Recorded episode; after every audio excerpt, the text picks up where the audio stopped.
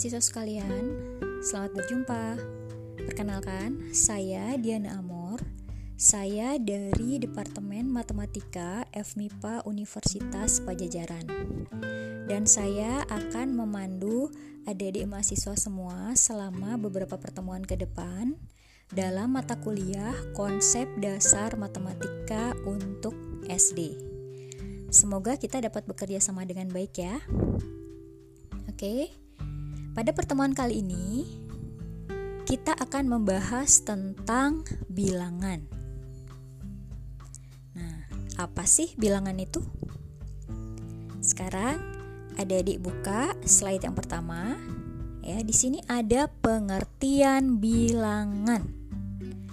Nah, bilangan itu adalah ide atau abstraksi yang menggambarkan banyaknya benda.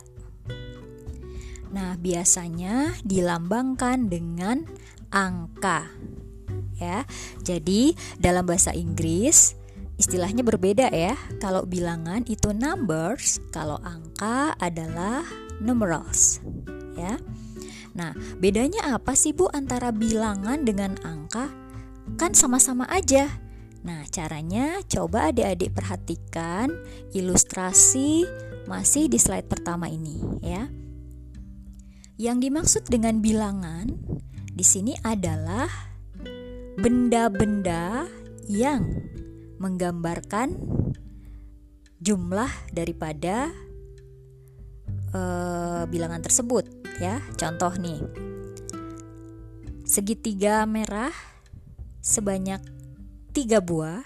Nah, gambar segitiga ini yang ada tiga buah ini dinamakan bilangan. Sedangkan untuk angkanya adalah simbol-simbol angka seperti 0, 1, 2, 3 dan seterusnya. Ya. Nah, contoh berikutnya di sini ada beberapa simbol lingkaran, ada lima simbol lingkaran berwarna hijau muda. Nah, simbol lingkaran berwarna hijau muda sebanyak lima buah ini dinamakan bilangan. Sedangkan angka lima itu adalah dikategorikan sebagai angka. Gitu, ya. Bisa difahami? Oke. Selanjutnya, kita masuk kepada slide kedua, yakni jenis-jenis bilangan. Nah, yang pertama adalah bilangan asli yang biasa disimbolkan dengan huruf N, ya. Apa bilangan asli itu? Nah, bilangan asli adalah himpunan bilangan positif yang bukan nol. Ya. Nah, dinyatakan sebagai N sama dengan 1, 2, 3, dan seterusnya. Berikutnya adalah bilangan cacah yang biasa dilambangkan dengan huruf W besar. Nah, di sini bilangan cacah itu adalah himpunan bilangan asli ditambah dengan 0 ya dan dinyatakan sebagai 0, 1, 2, 3, dan seterusnya. Kemudian bilangan bulat. Nah, bilangan bulat ini simbolnya biasanya adalah huruf Z besar. Dan himpunan bilangan uh, sorry, bilangan bulat adalah himpunan bilangan yang berisi bilangan cacah dan bilangan negatif. Ya.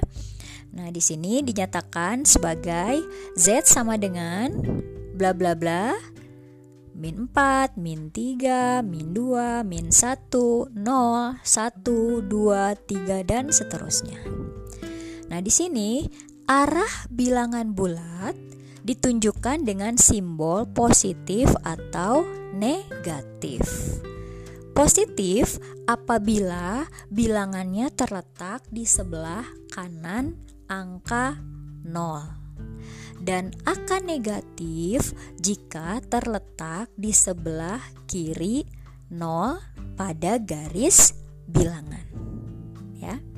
Gimana Dede bisa difahami? Semoga bisa difahami ya. Kita lihat slide berikutnya. Di sini bilangan positif eh sorry, bilangan bulat terbagi atas beberapa. Yang pertama adalah bilangan bulat positif. Yang dimaksud dengan bilangan bulat positif adalah bilangan yang bernilai positif dan dimulai dari satu ke atas dan seterusnya. Contohnya 1, 2, 3 dan seterusnya. Kemudian bilangan bulat negatif. Apa itu bilangan bulat negatif? Nah, bilangan bulat negatif adalah bilangan yang bernilai negatif dimulai dari bilangan satu ke bawah dan seterusnya. Contohnya min 1, min 2, min 3, min 4, dan seterusnya. Sedangkan bilangan 0 adalah bukan bilangan positif ataupun negatif. Dan untuk lebih jelasnya, adik-adik mahasiswa bisa melihat pada gambar garis bilangan yang tertera pada slide ini ya. Di sini sudah ada penjelasannya yang mana yang dinamakan bilangan bulat negatif, kemudian yang mana bilangan bulat positif.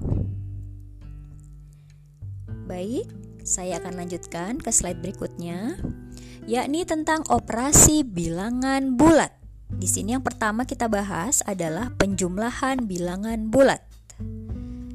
Yang pertama-tama adalah apabila kita menjumlahkan dua bilangan bulat positif. Nah, di sini kita perhatikan contohnya. Ini ada gambarnya nih ya. Andri berjalan 3 km. Nah, nih di angka tiganya nggak ada negatif kan? Ya, berarti ke mana? Ke arah kanan. Jadi pada gambar e, garis bilangan yang ada andinya nih, ya, Andi berdiri di titik nol, kemudian dia berjalan sejauh 3 km atau kalau di garis bilangan ini melangkah sejauh 3 langkah, ya. Kemudian Andri maju lagi 1 km karena maju, maka asumsinya adalah positif. Nah, pertanyaannya, berapa kilometerkah Andri melangkah? Nah, di sini caranya setelah kita buat garis bilangan, kemudian dari titik nol, karena Andri berjalannya positif 3 km, maka digeser sebanyak tiga langkah ke arah kanan. Ya. Lalu karena dia maju satu kilometer lagi, maka digeser kembali sebanyak satu langkah ke arah kanan. Sehingga keseluruhan bergeser sebanyak empat langkah ke kanan. Ya, jadi kesimpulan Andri melangkah sejauh berapa kilometer tuh? Iya, betul. 4 kilometer. Gimana adik-adik? Bisa difahami? Baik, sekarang saya lanjutkan ya. Kalau tadi menjumlahkan dua bilangan bulat positif, berikutnya adalah menjumlahkan bilangan bulat positif dan bilangan bulat negatif. Nah, di sini contohnya adalah jumlahkan min 2 atau negatif 2 dan positif 3. Caranya sama ya dengan yang tadi yang pertama. Buat garis bilangan, kemudian dari titik 0 digeser sebanyak dua langkah ke arah kiri. Kenapa ke arah kiri, Bu? Ke arah kiri karena di depan atau sebelum angka 2 ada tanda negatif. Nah, lalu digeser ke arah kanan sebanyak tiga langkah. Kenapa digeser ke kanan, Bu? Karena di sini di depan atau sebelum angka 3 terdapat tanda positif. Nah, kemudian akan menuju pada bilangan 1 ya. Jadi kesimpulan atau hasilnya adalah berapa? Iya, 1 ya. Gimana adik-adik bisa difahami? Semoga bisa difahami ya. Berikutnya, pada slide berikutnya adalah pengurangan bilangan bulat. Nah, di sini yang pertama adalah mengurangi bilangan bulat positif. Kalau adik-adik lihat di sini contohnya ya, positif 8 dikurangi positif 6. Nah, di sini sebelum adik-adik mencoba mencari hasilnya, karena di sini ada dua tanda ya, ada dua tanda yang berdempetan yakni tanda negatif setelah angka 8 dan tanda positif sebelum angka 6. Nah, di sini harus kita kalikan dulu ya. Apabila uh, angka eh sorry, apabila tanda negatif dikalikan dengan tanda positif hasilnya adalah iya, negatif ya. Jadi, caranya adalah pertama geser 8 langkah ke arah kanan dari angka 0 pada garis bilangan. Lalu geser sebanyak 6 langkah ke arah kiri. Kok ke kiri, Bu? Kenapa? Nah, tadi sudah saya jelaskan di awal ya. Karena tangga uh, sorry, karena tanda negatif setelah angka 8 jika dikalikan dengan tanda positif di depan angka 6, maka hasilnya adalah negatif. Nah, di sini hasil akhirnya adalah dua langkah ke arah kanan dari angka 0. Nah, jadi hasil daripada e, positif 8 dikurangi positif 6 adalah 2. Ya. Nah, di sini e, adik-adik perhatikan contoh lainnya. Nah, di sini coba adik-adik kerjakan Kemudian kira-kira apa yang dapat adik-adik simpulkan ya? Nah, adik-adik simpulkan sendiri ya untuk memahaminya. Baik. Kita buka slide berikutnya yakni tentang perkalian bilangan bulat. Yang pertama, mengalihkan dua bilangan bulat dengan simbol yang sama. Nah, di sini adik-adik uh, saya ingatkan kembali bahwa apabila kita berhadapan dengan tanda-tanda Apabila tanda positif dikalikan positif, hasilnya harus positif. Kemudian negatif dikalikan dengan positif, hasilnya negatif. Dan sedangkan negatif dengan negatif, maka hasilnya akan positif. Nah, di sini contoh-contohnya bisa adik-adik uh, perhatikan dan pahami sendiri ya. Jadi untuk contoh-contoh di sini saya tidak jelaskan, cukup adik-adik pahami dan simpulkan sendiri ya. Saya rasa cukup jelas.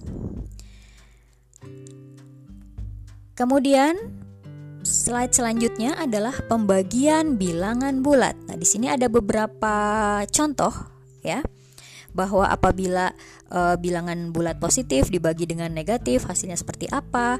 E, kemudian bilangan bulat negatif apabila dibagi dengan bilangan bulat negatif hasilnya seperti apa. Nah, ini dari contoh-contoh yang saya berikan, adik-adik bisa menyimpulkan sendiri ya. Tetap berdasarkan kepada aturan yang di slide sebelumnya tadi apabila uh, tanda positif dikalikan positif itu hasilnya apa positif dengan negatif itu hasilnya apa nah itu bisa adik-adik pahami dari contoh-contoh yang saya berikan ini ya baik selanjutnya adalah bilangan rasional yang biasa disimbolkan dengan huruf Q atau Q besar ya di sini bilangan rasional itu apa sih? Nah, bilangan rasional itu biasanya kita kenal dengan nama bilangan pecahan, ya.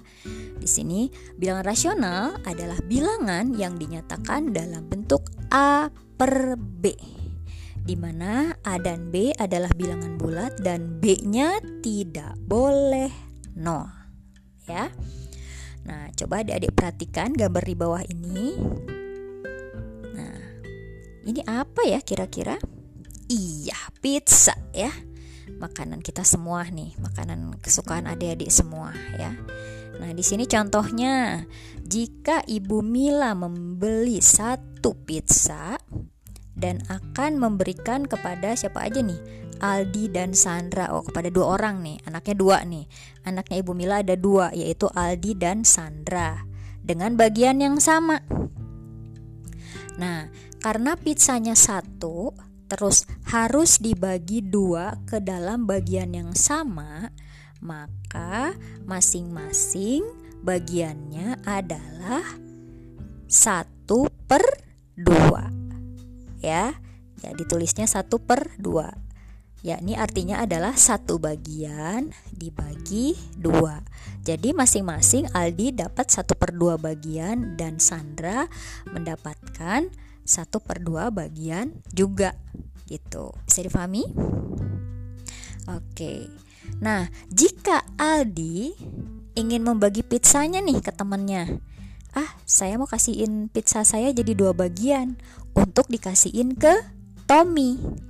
Nah jadi karena tadi bagiannya Aldi adalah satu per dua dan dari satu per dua itu dia ingin bagi dua lagi untuk diberikan kepada Tommy maka kalau adik-adik lihat gambar pizza tersebut berikut pembagian potongannya, maka Aldi dan Tommy masing-masing akan mendapat pizza seperempat bagian. Gimana? Bisa difahami kan? Oke, baik. Pasti bisa kan ya? Contoh berikutnya. Wah, gambar apa nih? Coklat ya. Kesukaan adik-adik juga nih. Nah, jika Indri membeli sebatang coklat, nah coklatnya ada berapa bagian tuh? 1 2 3 4 5 6 ya. Ada kotak-kotaknya lagi terbagi atas 6 kotak ya. Membeli sebatang coklat dan ingin membaginya kepada tiga orang temannya. Nah, ceritanya Indri mau bagi-bagi coklatnya nih. Buat Vita, Lia dan Diandra. Nah, kira-kira berapa bagian ya masing-masing Vita dapat berapa, Lia dapat berapa dan Diandra dapat berapa nih ya. Nah, jadi karena masing-masing potongan coklat ini ada nih ya, ada dua sorry satu coklat terbagi atas enam bagian ya karena Indri akan membaginya kepada tiga orang temannya maka masing-masing dapat berapa bagian tuh di sini ceritanya Indri nggak dapat ya, jadi Indri hanya membeli, kemudian dia ingin memberikan coklat itu kepada Vita, Lia, dan Diandra. Ya, jadi coklat ini hanya dibagi untuk tiga orang ya, hanya untuk buat Vita, Lia, dan Diandra. Berarti di sini masing-masing temannya Indri ini mendapatkan 2 per 6 bagian ya. Bisa difahami kenapa 2 per 6? Semoga bisa ya. Oke, berikutnya adalah bilangan rasional. Eh sorry, bilangan irasional ya. Apa itu bilangan irasional? Bilangan irasional adalah bilangan yang tidak dapat dinyatakan dalam bentuk A per B tapi dapat ditulis dalam bentuk desimal tak berulang.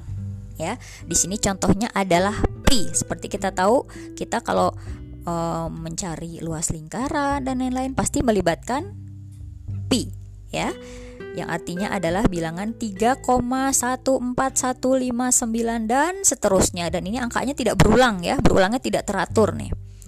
Kemudian E sama dengan 2,718281 dan seterusnya. Nah, ini adalah contoh bilangan irasional. Apalagi bilangan irasional? Ada yang tahu? Iya, akar 2 ya. Jadi e, bilangan irasional itu adalah bilangan yang tidak dapat dinyatakan dalam bentuk A per B ya. Oke, selanjutnya adalah bilangan real. Biasa dilambangkan dengan simbol R. Nah, di sini bilangan real adalah himpunan bilangan rasional dan irasional. Ya. Nah, di sini jika A, B dan C adalah bilangan real, maka akan berlaku sifat-sifat sebagai berikut. Pertama, sifat pertukaran atau komutatif. Ada di bisa lihat ya. Sifat komutatif atau pertukaran dalam penjumlahan. Bisa difahami? Kemudian sifat komutatif untuk perkalian. Nah, penjabarannya adik-adik bisa baca sendiri di slide ya. Kemudian sifat asosiatif untuk penjumlahan. Berikutnya sifat asosiatif untuk perkalian. Lalu sifat distributif ya. Nah, adik-adik harus pahami sifat-sifat ini ya. Berikutnya adalah yang terakhir ya, bilangan prima dan bilangan komposit. Nah, di sini bilangan prima merupakan bilangan asli yang lebih dari satu yang memiliki dua faktor pembagi yakni satu dan bilangan itu sendiri. Ya jadi itu syaratnya ya. Dan bilangan prima biasanya dilambangkan dengan huruf A besar dan dinyatakan sebagai A adalah himpunan bilangan 2, 3, 5, 7 dan seterusnya. Sedangkan kebalikan dari bilangan prima adalah bilangan komposit, yakni bilangan asli yang lebih dari satu tetapi memiliki lebih dari dua faktor pembagi. Ya. Nah, contoh bilangan komposit adalah 4, 6, 8, 10 dan seterusnya. Oke, adik-adik mahasiswa semua, Sepertinya tuntas penjelasan saya tentang bilangan ini. Semoga adik-adik dapat memahaminya, ya. Uh, apabila ada yang mau ditanyakan, adik-adik bisa bertanya melalui uh, aplikasi atau platform yang kami gunakan. Oke, uh, selain itu mohon dicoba-coba latihannya, ya. Baik. Semoga apa yang sudah saya jelaskan atau yang sudah saya paparkan tadi dapat dipahami oleh adik-adik mahasiswa semua, ya. Oke. Semoga tetap uh, semangat ya untuk belajar. Kemudian tetap jaga kesehatan dan sampai ketemu di pertemuan berikutnya.